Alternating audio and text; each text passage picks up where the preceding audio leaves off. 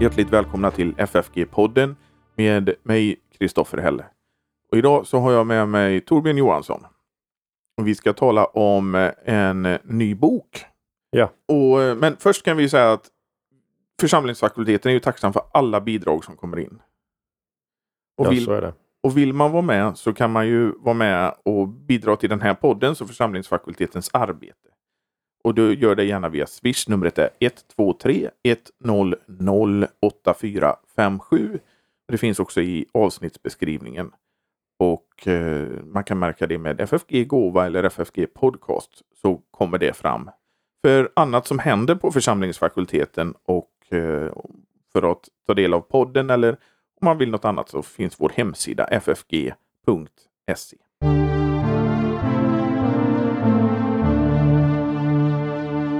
Ja Torbjörn, en ny bok. Det har varit bokrelease här förra veckan. Ja, det stämmer. Vi har givit ut eh, det är en eh, ny och reviderad utgåva av Bengt Hägglunds bok som heter Arvet från reformationen, teologihistoriska studier. Och den har vi eh, tidigare givit ut på församlingsfakulteten i vår skriftserie. Den finns med där, men det var ungefär 20 år sedan den gavs ut och den har varit slut länge, så nu har det kommit en, en ny andra och bearbetad upplaga av den. Och den boken ska vi tala om idag. Ja. Men då är det ju en sak som jag undrar över och det är vad är det för skillnader mellan den gamla och den här upplagan? Ja, det är att eh, den är mm, genomgången och det är ett antal korrekturfel helt enkelt som är, är, är rättade. Men sen är det i Hägglunds del av hans uppsatser så är det att eh, Eh, det hade han själv förberett så att i den gamla så kommer det tyska citat i texten. Utan översättning. Och de är nu nedflyttade till en eh, fotnot. Och så är det en svensk översättning i texten. Inte alla, men, eh, men eh, flera är, är på det sättet förändrade. Och det är alltså Hägglund själv som gjort de här översättningarna. För han förberedde då innan han eh, dog en eh, andra upplaga. Så det är den ena skillnaden. Eh, den andra är att jag har skrivit en inledning som placerar in Hägglunds eh, reformationsforskning i ett eh, lite större sammanhang och vad som kännetecknar honom som reformationsforskare. Och det är en inledande uppsats på ungefär 20 sidor. Men annars är alltså uppsatserna, så har man den gamla upplagan så är uppsatserna identiska i denna. Det finns inga, inga, inga nya, men som sagt, de är och sen är den satt, den ser mycket större ut den här boken faktiskt än den förra, för den är luftigare satt och mer läsarvänlig än den förra som är ganska kompakt. Sen är det också utgivet på nu med vårt nya förlagsnamn som är Pro Veritate. Och det finns ju en historik till det här namnet också. Ja, det, och det passar extra bra till en bok här som handlar om reformationen. Det är alltså hämtat, namnet är ju hämtat från eh, en disputation som Martin Luther höll 1518 som inleds just eh, till sanningen eller för sanningens skull, pro veritate. Och sen fortsätter det och till tröst för anfäktade samveten eller anfäktade, ja angripna samveten. Så Luther eh, när han där ska disputera så har han båda de här aspekterna och det tycker jag är så intressant att han å ena sidan all teologisk forskning, eh, hans teser där som han lägger fram då är å ena sidan att få fram sanning, men denna sanning är inte bara vilken sanning som helst utan det är det som är till, till tröst, till hjälp för de kristna. Så han, han har ett syfte med sitt sanningssökande. Och det är ju lite ett motto för FFG då, så att därav namnet. Eh, och det är roligt nu, det är första boken som kommer med det här förlagsnamnet. Ja, men uppsatserna de är de samma. Det är de samma och det är en blandning eh, av reformatoriska ämnen men denna, det var Hägglund själv som förberedde denna men det var i samarbete med oss som de gavs ut en gång. Denna blandning speglar hans intressen och hans profil kan man säga då där han under ett, ett långt liv ägnade sig åt att utforska reformationen och det är mycket som handlar om antropologi, människosyn alltså, det är också mycket som handlar om skriften och utläggningen av skriften inklusive språk, en reformatorisk syn på språk och skrift. Och um, Sen finns det också en hel del i den som har att göra med brytningen mellan medeltid och reformation, uh, övergången däremellan, skildrar några uppsatser, fri, synen på frihet, eh, en till exempel om Erasmus och Luther och den här frågeställningen om människan har en fri vilja eller inte. Så att den är mm, mångsidig uppsatssamling. Men det är ju faktiskt så att vill man äga den här boken så har vi till poddens lyssnare ett otroligt bra erbjudande just nu. Priset för boken är 220 kronor. Och eh, beställer man och skickar ett mejl till info.ffg.se så bjuder vi på frakten helt enkelt. Så 220 kronor inklusive frakt. Så frakten är gratis för den som beställer. Så skynda och beställ innan den här andra upplagan tar slut. Så skicka ett mejl till info.ffg.se så är priset 220 kronor. Ja, vi hoppas den får spridning. Ja. Men det finns några ämnen som vi kanske inledningsvis eh, ska ta upp som du tar upp i din inledning. Som är kännetecknande för Hägglund och för de här uppsatserna. Och, och det är ju, vi kan ju börja med det här som kallas för trosregeln. Mm. Jo, det som kallas trosregeln i, det är ett begrepp som kommer från fornkyrkan, eh, regula fidei, trons regel. Det arbetade Hägglund mycket med och det är ju inte ett specifikt reformationstema utan eh, Hägglund skrev en uppsats som fick mycket uppmärksamhet också internationellt, om trosregelns användning hos kyrkofäderna. Och det här tar han sedan vidare i, till reformationstiden och trosregeln är i hög grad sammanfaller i hög grad med det vi kallar apostoliska trosbekännelsen. Och det apostoliska trosbekännelsen är ju en sammanfattning av den kristna tron utifrån de tre gudomspersonerna, Fadern, Sonen, Anden. Och man sammanfattar på ett extremt komprimerat sätt då, både dogmatiskt med tre, tre tyngdpunkter och ett slags frälsningshistoriskt. Det skildrar ju ända från skapelsen till yttersta dagen och däremellan Jesu verk. Så den här mm, komprimerade sättet att man ska utlägga skriften i enlighet med trosregeln vad betyder det och betyder det här att trosregeln är som bredvid skriften? Så man har ibland talat om frågan om skrift och tradition. Om man tar in begreppet trosregel betyder det att man har liksom två poler, skrift och tradition i form av trosregeln. Det klargör Hägglund att så är inte fallet utan trosregeln är helt enkelt en sammanfattning av skriften och att säga att man ska utlägga skriften och förstå den i enlighet med trosregeln, det är egentligen ett annat sätt att säga att man ska utlägga skriften med hjälp av skriften. Att man ska utlägga dunkla ställen i ljuset av klara och mindre centrala i ljuset av centrala och att framförallt att hela skriften har ett, ett centrum. Det, det, det är något som kännetecknar det här tänkandet. Då. Hägglund var ju aktiv i Lund och där hade vi det här med lundateologi och motivforskning. Där man satte ett motiv och sen tolkar man utifrån det. Eh, hur skiljer sig det mot den här trosregeln och det tolkandet man använder där? Mm. Det är en, eh, tycker jag själv, väldigt intressant fråga och det är lite det i den här inledande uppsatsen att, att om man ser på Hägglund utifrån hans historiska sammanhang. Han var alltså verksam vid, vid Lund och i Lunds universitet hela livet. Och där var, när, särskilt när han började som ung mm, teolog och fortsatte med forskning, då fanns eh, Lundateologin som man sökte ett, ett grundmotiv i den kristna tron. Och ett, ett grundmotiv det är att man försöker sätta egentligen hela den eh, kristna tron på, på föra tillbaka den till ett bestämmande motiv som man kallar det. Därför kallas också ibland motivforskning och det menade man var eh, agape, den självutgivande kärleken. Det var det som kännetecknade kristendomen i jämförelse med alla andra religioner. Eh, de grekiska, antika, romerska och då var det eros som är den mer begärande kärleken. Och man kontrasterar också med judendomen som var nomos, alltså lagen, att om jag håller lagen så är det en väg. Och Det som ett grundmotiv ska svara på det är frågan, hur får jag gemenskap med Gud?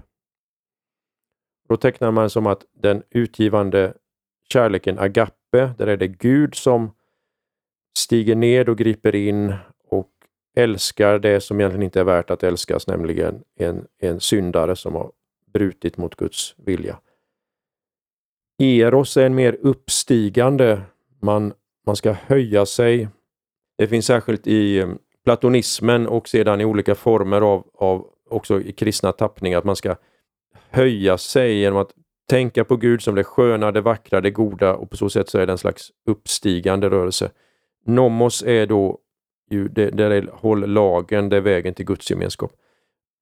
Det intressanta med det här det är att man försöker alltså hitta ett, ett begrepp som man ska kunna sätta den kristna formen, eh, en formel som man ska sammanfatta kristendomen med. Hägglund då gick aldrig in i detta eh, utan istället har han, tar han upp detta med trosregeln som, som en metod kan vi säga. Och trosregeln om vi tittar på den, den är väldigt historiskt inriktad. Det är ju i historien vi har skapelsen, det som skildras av Jesu liv, kyrkan och andens tid. Och den är heller inte att det går att sätta på en formel utan den är ju tredelad i sin struktur.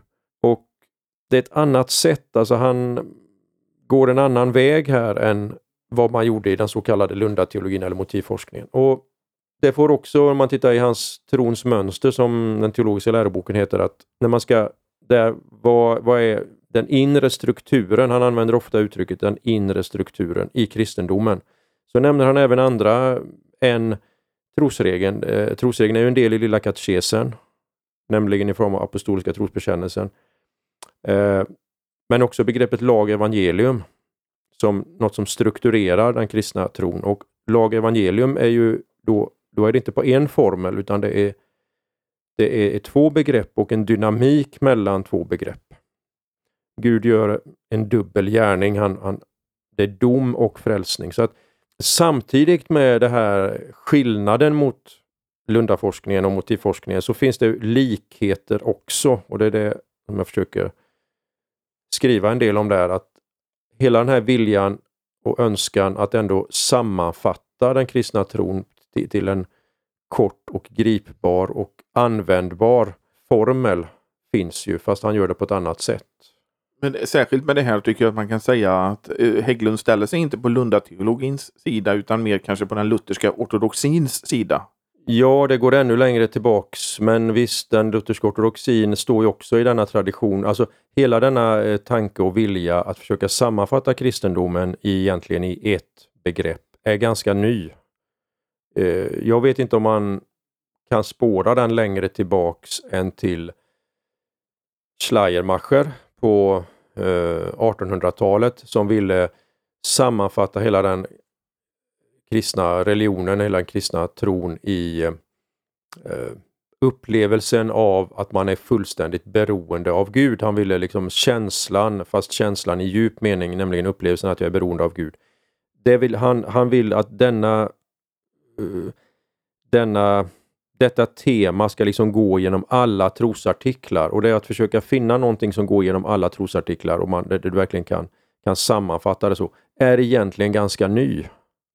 Låsi-metoden som jag varit inne på innan är ett annat sätt att tänka. Då har du flera saker som du kan, som i ett samspel med varandra.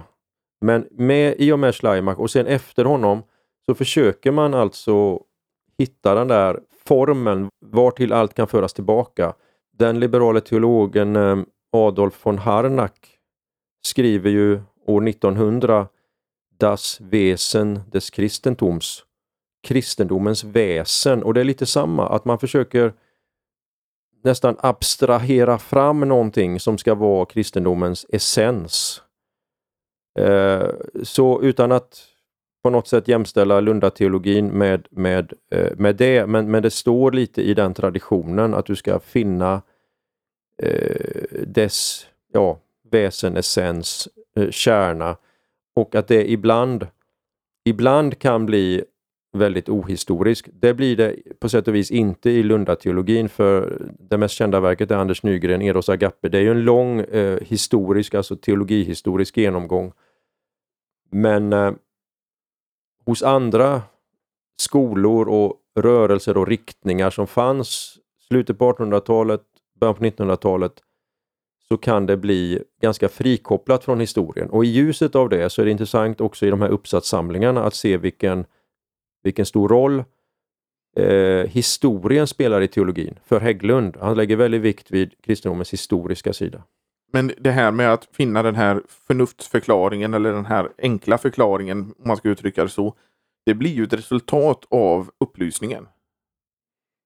Det hör eh, säkert ihop med det på olika sätt och det hör ihop med i Schleiermachers fall så hör det också ihop med att eh, kristendomen var så hårt pressad, till exempel vad gällde första trosartikeln och hur man genom vetenskapen menade att man kan inte längre tro på den bibliska skapelseberättelsen menar man och man kände sig väldigt pressad och då om Schleiermacher säger att den här berättelsen i Första Mosebok handlar inte om hur det gick till historiskt. Det här handlar om att Gud har skapat dig och att du är beroende av Gud.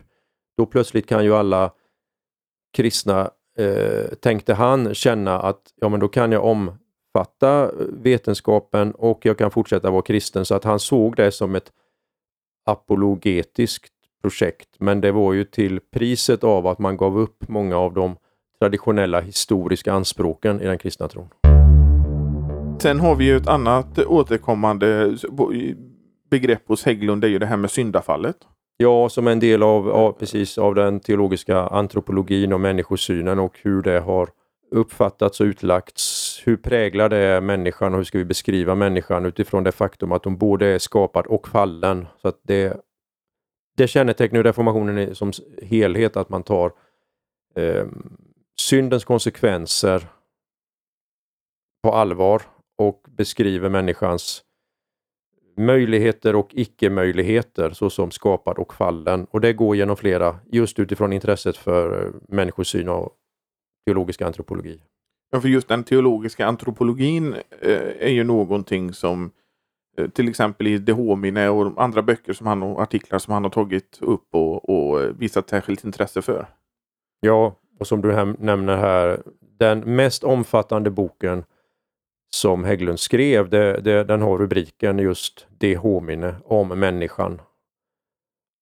Och där kan jag nämna en sak som kännetecknar Hägglunds reformationsforskning, det är att han till exempel i De homine, han är, täcker så att säga två epoker. Dels själva reformationstiden och hur den går vidare in i ortodoxin. Så att i De homine så är det Luther, Melanchthon, de här kända eh, från reformationstiden, men sen också vidare in i eh, övergången mellan reformation och ortodoxi och i början av ortodoxin, tidig ortodoxin, till exempel Johan Gerhardt som han också skrev sin avhandling om. Och då är vi på början av 1600-talet. Men den här överskridande, att man inte bara är en epok, utan vi räknar ju som historiska och teologiska epoker, reformationen, senreformationen och sen ortodoxin. Och att eh, täcka hela denna, att, att följa hela denna övergång där. Det var ganska nytt och ganska ovanligt när Hägglund skrev det här på 50, 60, 70-talet. Då var det ganska ovanligt som sagt. Tidigare hade man i hög grad gjort samma epoköverskridande fast från senmedeltid till reformation. Det var väldigt vanligt att eh, man, man undersökte den övergången. Men den där andra övergången efter reformationen den var ovanlig. Och har sen kommit mer och mer. Och där var ju, får man säga, mm, Hägglunds forskning pionjärforskning på ett sätt. Det som jag tycker är intressant i, i just det här med de homine, du säger att han går in på andra teologer efter eh, Luther och Melanchthon och han går in på Flasius. Ja. Och den här snöbollseffekten som jag kallar det. Att det blir hur ett felsteg kan bli väldigt stort till slut.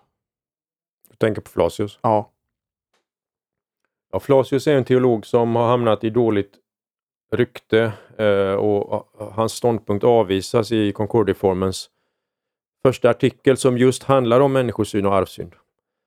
Och här är ju återigen Hägglunds um, artikel, men överhuvudtaget hans intresse för Flasius. Han har skrivit ganska mycket om honom och på många sätt var det här det var en, en fråga som gällde också förhållandet mellan teologi och filosofi och där är också Hägglunds, eh, kan man säga, en ytterligare en tyngdpunkt, förhållandet hur man ska se mellan teologi och filosofi. Men när det gäller Flasius, hur man ska beskriva arvsynden, så ville Flasius egentligen inte gå in i den filosofiska terminologin.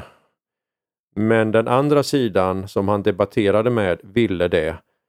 Och man diskuterar väl fortfarande här vad som är missuppfattningar och vad som är, som du säger, olyckliga konsekvenser av ståndpunkter man har tagit.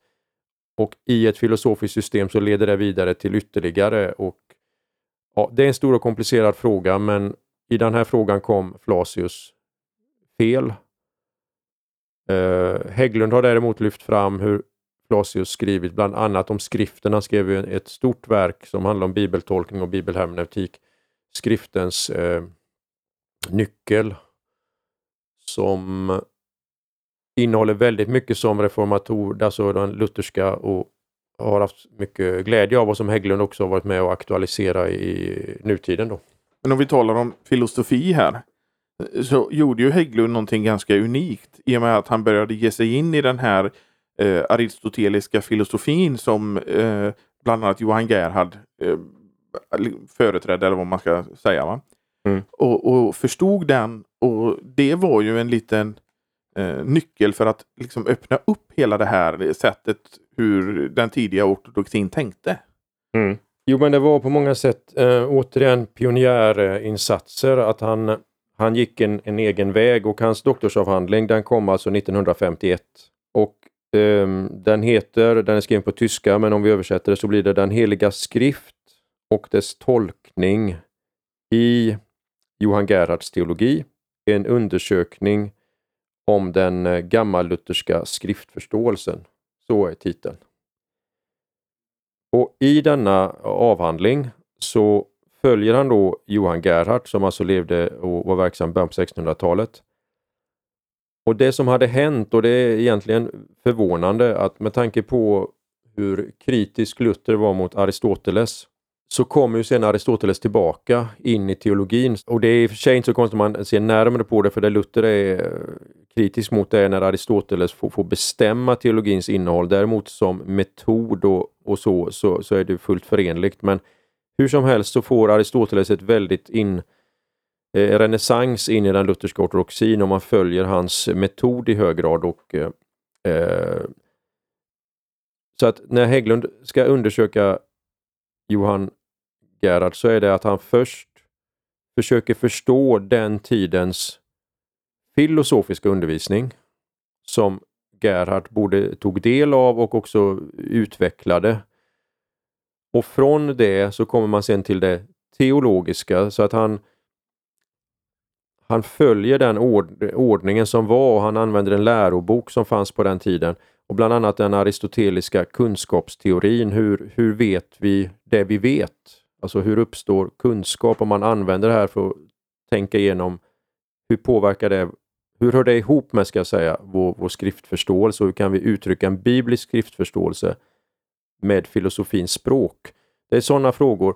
Och det här intresset då för gränsen och mötet mellan filosofi, antingen det är den tidens filosofi eller senare tidens filosofi och teologi. Det blir en röd tråd kan man säga genom hela Hägglunds produktion egentligen. Men jag tänker när jag läser Hägglund att han är inte särskilt eh, filosofisk på ett filosofiskt sätt. Nej, jag förstår vad du menar. Uh, nej, filosofi här, det, det, kan ha väldigt olika klang för olika människor, vad man tänker på och vad man lägger i det. Men jag håller helt med att hans sätt att skriva och hans intresse så är det, det är väldigt bibelcentrerat, teologihistoriskt centrerat. Men filosofi, det är, i det här sammanhanget och i reformationens sammanhang så är det vad kan vi veta från vår natur innan vi har den bibliska uppenbarelsen? Hur fungerar vår, vår kunskapsprocess till exempel? De har tänkt sig olika i olika tider. Ortodoxin anslöt i hög grad till eh, Aristoteles eftersom man menade att det stämde med Bibeln. Men det som är den stora sedan skiljelinjen, det är Immanuel Kant som är ihop med upplysningen. Och en av de senare uppsatserna som Hägglund skrev, den hette Förkantiansk hermeneutik. Alltså hur tänkte man kring bibeltolkning, hermeneutik, före Kant? Som då var en presentation helt enkelt av reformationens, ortodoxins bibeltolkningsmetoder. Så att det griper tillbaka till hans avhandling. Men det visar, eh, i avhandlingen går han inte fram till Kant på något sätt, men det visar hur det här intresset finns med hela tiden. Eh, och, och, bara för det här, att det här inte är filosofiskt i den här meningen som du nog tänkte på där, att Martin Luther skrev en disputation som heter De homine, varifrån Hägglund hämtat sin titel. Och där ställer han först upp filosofiska teser och sedan teologiska teser om människan. Och då frågar han sig, vad kan vi veta om människan utifrån naturen, utifrån oss själva, innan vi har öppnat Bibeln? Och Då ställer han upp ett antal saker som vi kan genom att iaktta, tänka, reflektera. Vad är människan? Och sen ställer han upp vad Bibeln säger. Och Han använder även där faktiskt Aristoteles sätt att analysera ett problem. Så Luther använder Aristoteles, nämligen han säger att vi kan veta en del om vad människan nu är, vad hon förmår, hennes uppgift här i världen. Men det vi inte vet någonting om utifrån oss själva, det är varifrån kommer vi? Vart är vi på väg? Vi kan veta vagt, säger han, att det, jag menar att det fanns en skapare och annat, det kan vi veta, men liksom att det är Bibelns Gud och hans avsikt med våra liv, det måste vi få uppenbarat genom Bibeln. Och likadant, vad händer efter döden? Det kan vi också veta en del utifrån samvete och annat med en dom och en rättvisa och gärningar, men hela alltså frälsningen och måste vi få uppenbarat. Så det här sättet att tänka då, det blir ju som från två aspekter, från filosofins håll och från teologins håll och hur de här två sedan ska eh, balanseras och, och, och, ställas i relation till varandra. Det, det intresset finns hela vägen eh, hos Hägglund också. Och om jag minns rätt så uttrycker Hägglund som naturlig uppenbarelse och särskild uppenbarelse. Ja, det är de ja. gängse dogmatiska termerna för de här två, två sidorna. Men det blir som en, ibland som man har, vi har nämnt aspektbetraktelse på människan som, mm, som finns uh, hos reformatorerna som Hägglund iakttar där, beskriver där, men som han också själv använder sen det här sättet när han uh, skriver själv om olika teologiska frågor. En annan av de här teman som han har är ju det här med fri eller inte fri vilja. Ja, det var det inte bara ett av många teman utan Luther säger själv i skriften mot Erasmus där att Erasmus har hittat själva kärnfrågan. Och Det i sin tur hör nämligen samman med vad är frälsningen? Så frågan om människans förmåga och vad frälsningen är och består av är som kommunicerande kärl. Då. Och det, det, har han ju också ett kapitel om i den här boken som heter Luther och Erasmus. Ja. Och egentligen eh, det är, det är en uppsats. Han har ett som heter Humanismens, som då Erasmus representerar, Humanismens och reformationens frihetsbegrepp. Och sen är det en uppsats till som heter eh, Erasmus och reformationen. Då. Ehm, så att eh, två är direkt eh, ägnade ägnad åt det. Sen finns det även den evangeliska människouppfattningen, heter en, och där kommer också in frågan om frihet och vad bibliskt kött och ande innebär och, och liknande frågor. Som, så, så frihetsfrågan finns med även där. Och den finns ju i, i synnerhet med också i Dehomine? Ja, där är den stora och långa utläggningen av det. Ja. Att, och det andra som, som, som jag tänkte till sista vi kunde ta upp som ett, genomgående tema är det här med rättfärdiggörelse också som han har. Ja, det har han. Eh, en uppsats som heter Vad menas med Luthers rättfärdiggörelselära? Och det intressanta är att om man läser den och tänker på lite det här som vi har talat om nu så kan man där se hur eh, också den här frågan om faktiskt filosofiskt teologiskt för att en av Luthers eh, kritiska synpunkter då på, på den medeltida rättfärdighetsläran var att den är alltför filosofiskt bestämd. För den gick, den gick tillbaka på Aristoteles och den hade i hög grad det här vad, vad förmår människan i sig själv. Så att frågan om filosofi, teologi, om man, om man läser den och har med sig det så kan man se saker i uppsatsen som, som hör samman med det temat.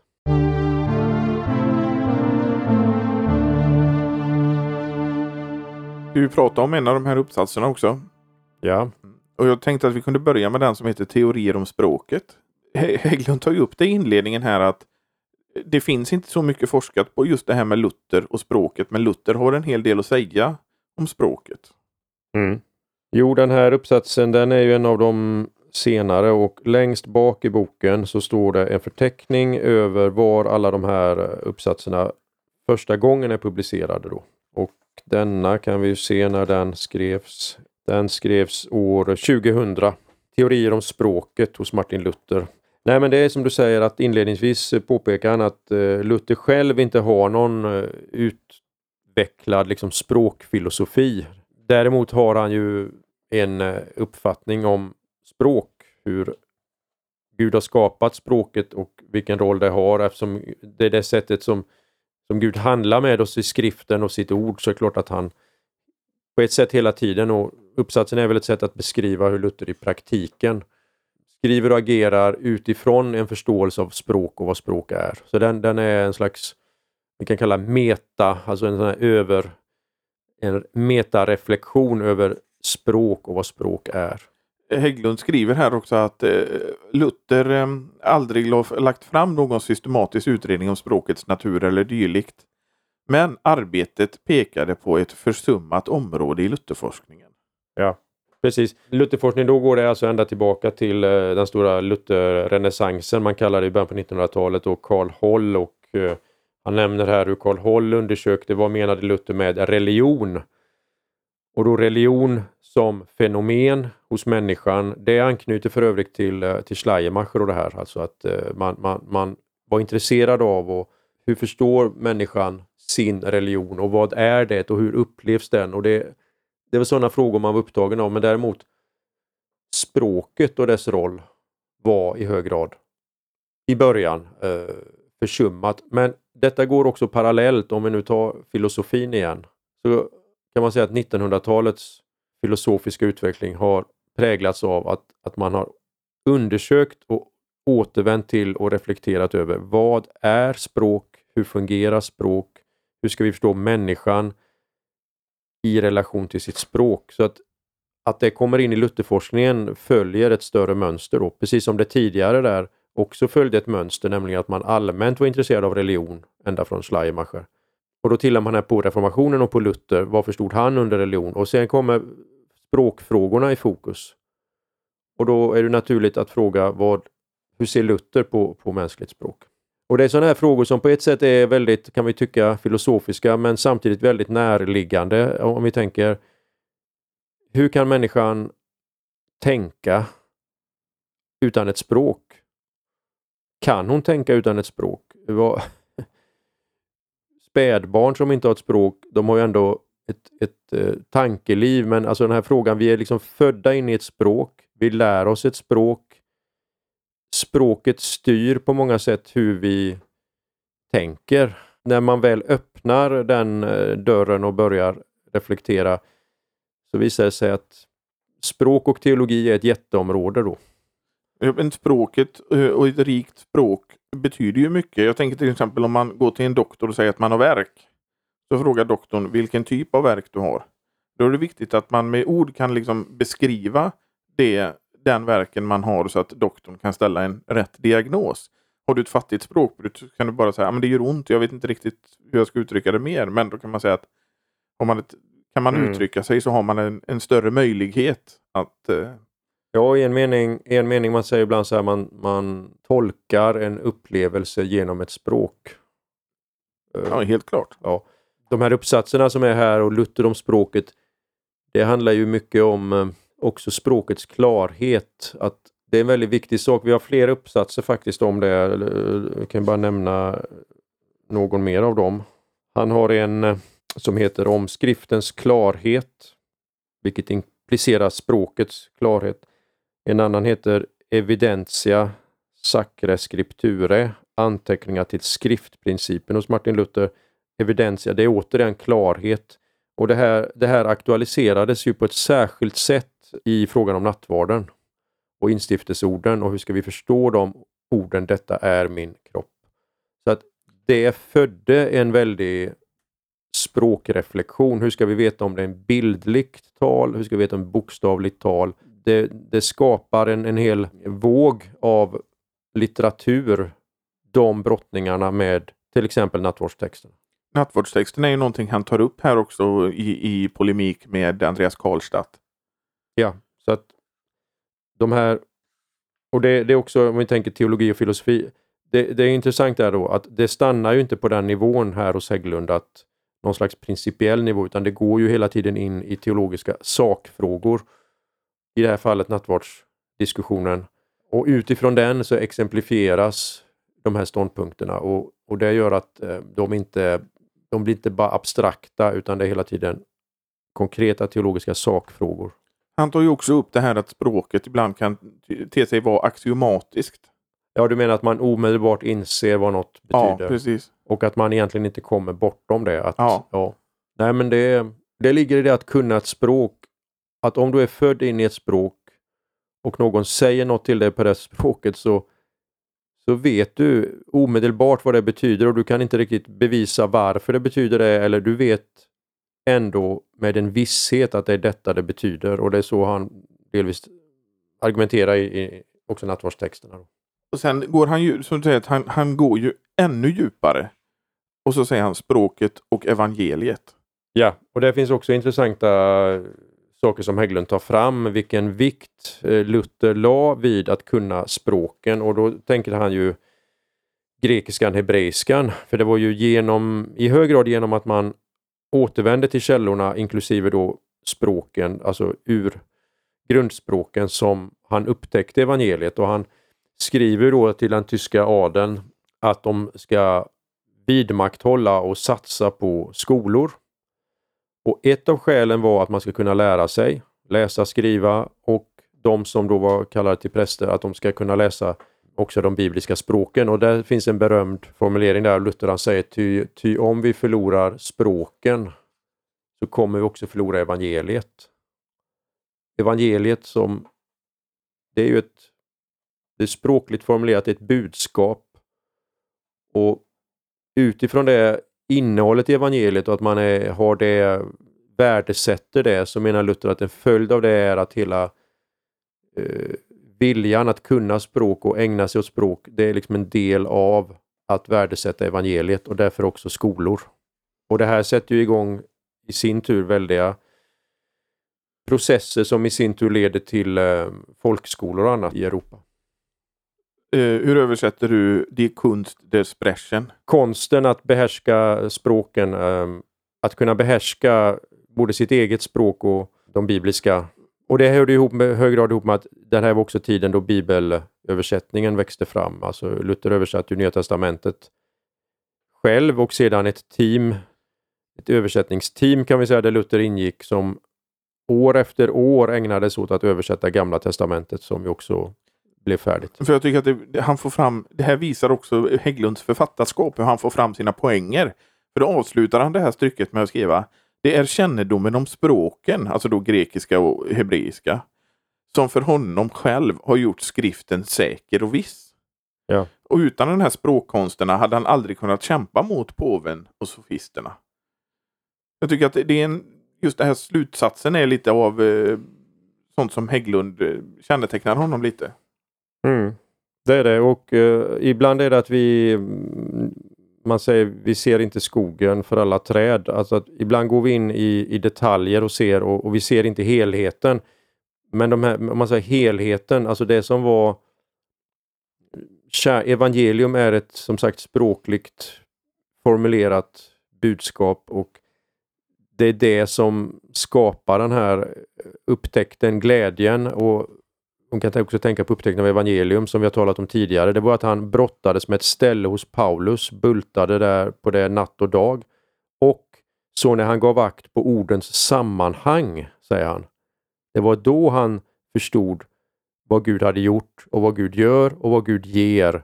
Och han kände sig som helt och hållet på nyttfödd och hela skriften visar, säger han, ett annat ansikte. När man väl ställer frågan och börjar undersöka det, så, så är, och, och vilket då Hägglund visar i den här uppsatsen, vilket stort fält här som öppnar sig. Alltså hur förstår reformatorerna språkets, eh, mm, språkets verklighet, vad språket förmedlar.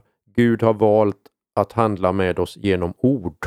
Och det tycker jag här att en bra avslutning, som Hägglund själv sammanfattade det, att det yttre ordet är inte bara tecken som hänvisar till en högre realitet, utan är själv bärare av det andliga innehållet och av Andens verkan genom det yttre, det hörbara stämman, det lästa ordet liksom sakramentens synliga tecken träffas och påverkas, påverkas människans inre. Det är en väldigt fin eh, sammanfattning som också uttrycker det här eh, ordets kraft och verkan som det kommer sen som en eh, i ortodoxin dess eh, som ju ligger eh, det som skapar ordet, det, det skapar, det, det bär med sig det som det talar om, inte bara den här som man säger teckenteorin. Det finns en sån teckenteori att ordet är egentligen bara som en vägskylt som pekar på något annat som ligger långt borta. Men när det gäller evangeliet så är det istället bärare av, det är så att säga laddat med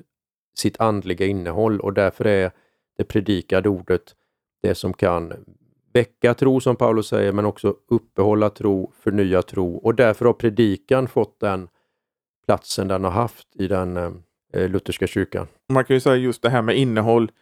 Det är väl, Hägglunds författarskap är väldigt innehållsrikt. Det är mycket innehåll på få ord. Ja, det är det. Så, det är väldigt kärnfulla texter. Ja, Torbjörn. Eh, nu har vi talat lite om den här boken och vi kan ju påminna dig att den kostar ju 220 kronor. Och skickar man eh ett mejl till info.ffg.se så får man den för 120 kronor så bjuder vi på frakten. Nu sa du 120, du kanske Oj, menar... Jag menade 220. ja, 220. Det får vi nog säga. Ja. ja. Eh, så bjuder vi på frakten och församlingsfakulteten tar tacksamt emot om man vill ge en gåva.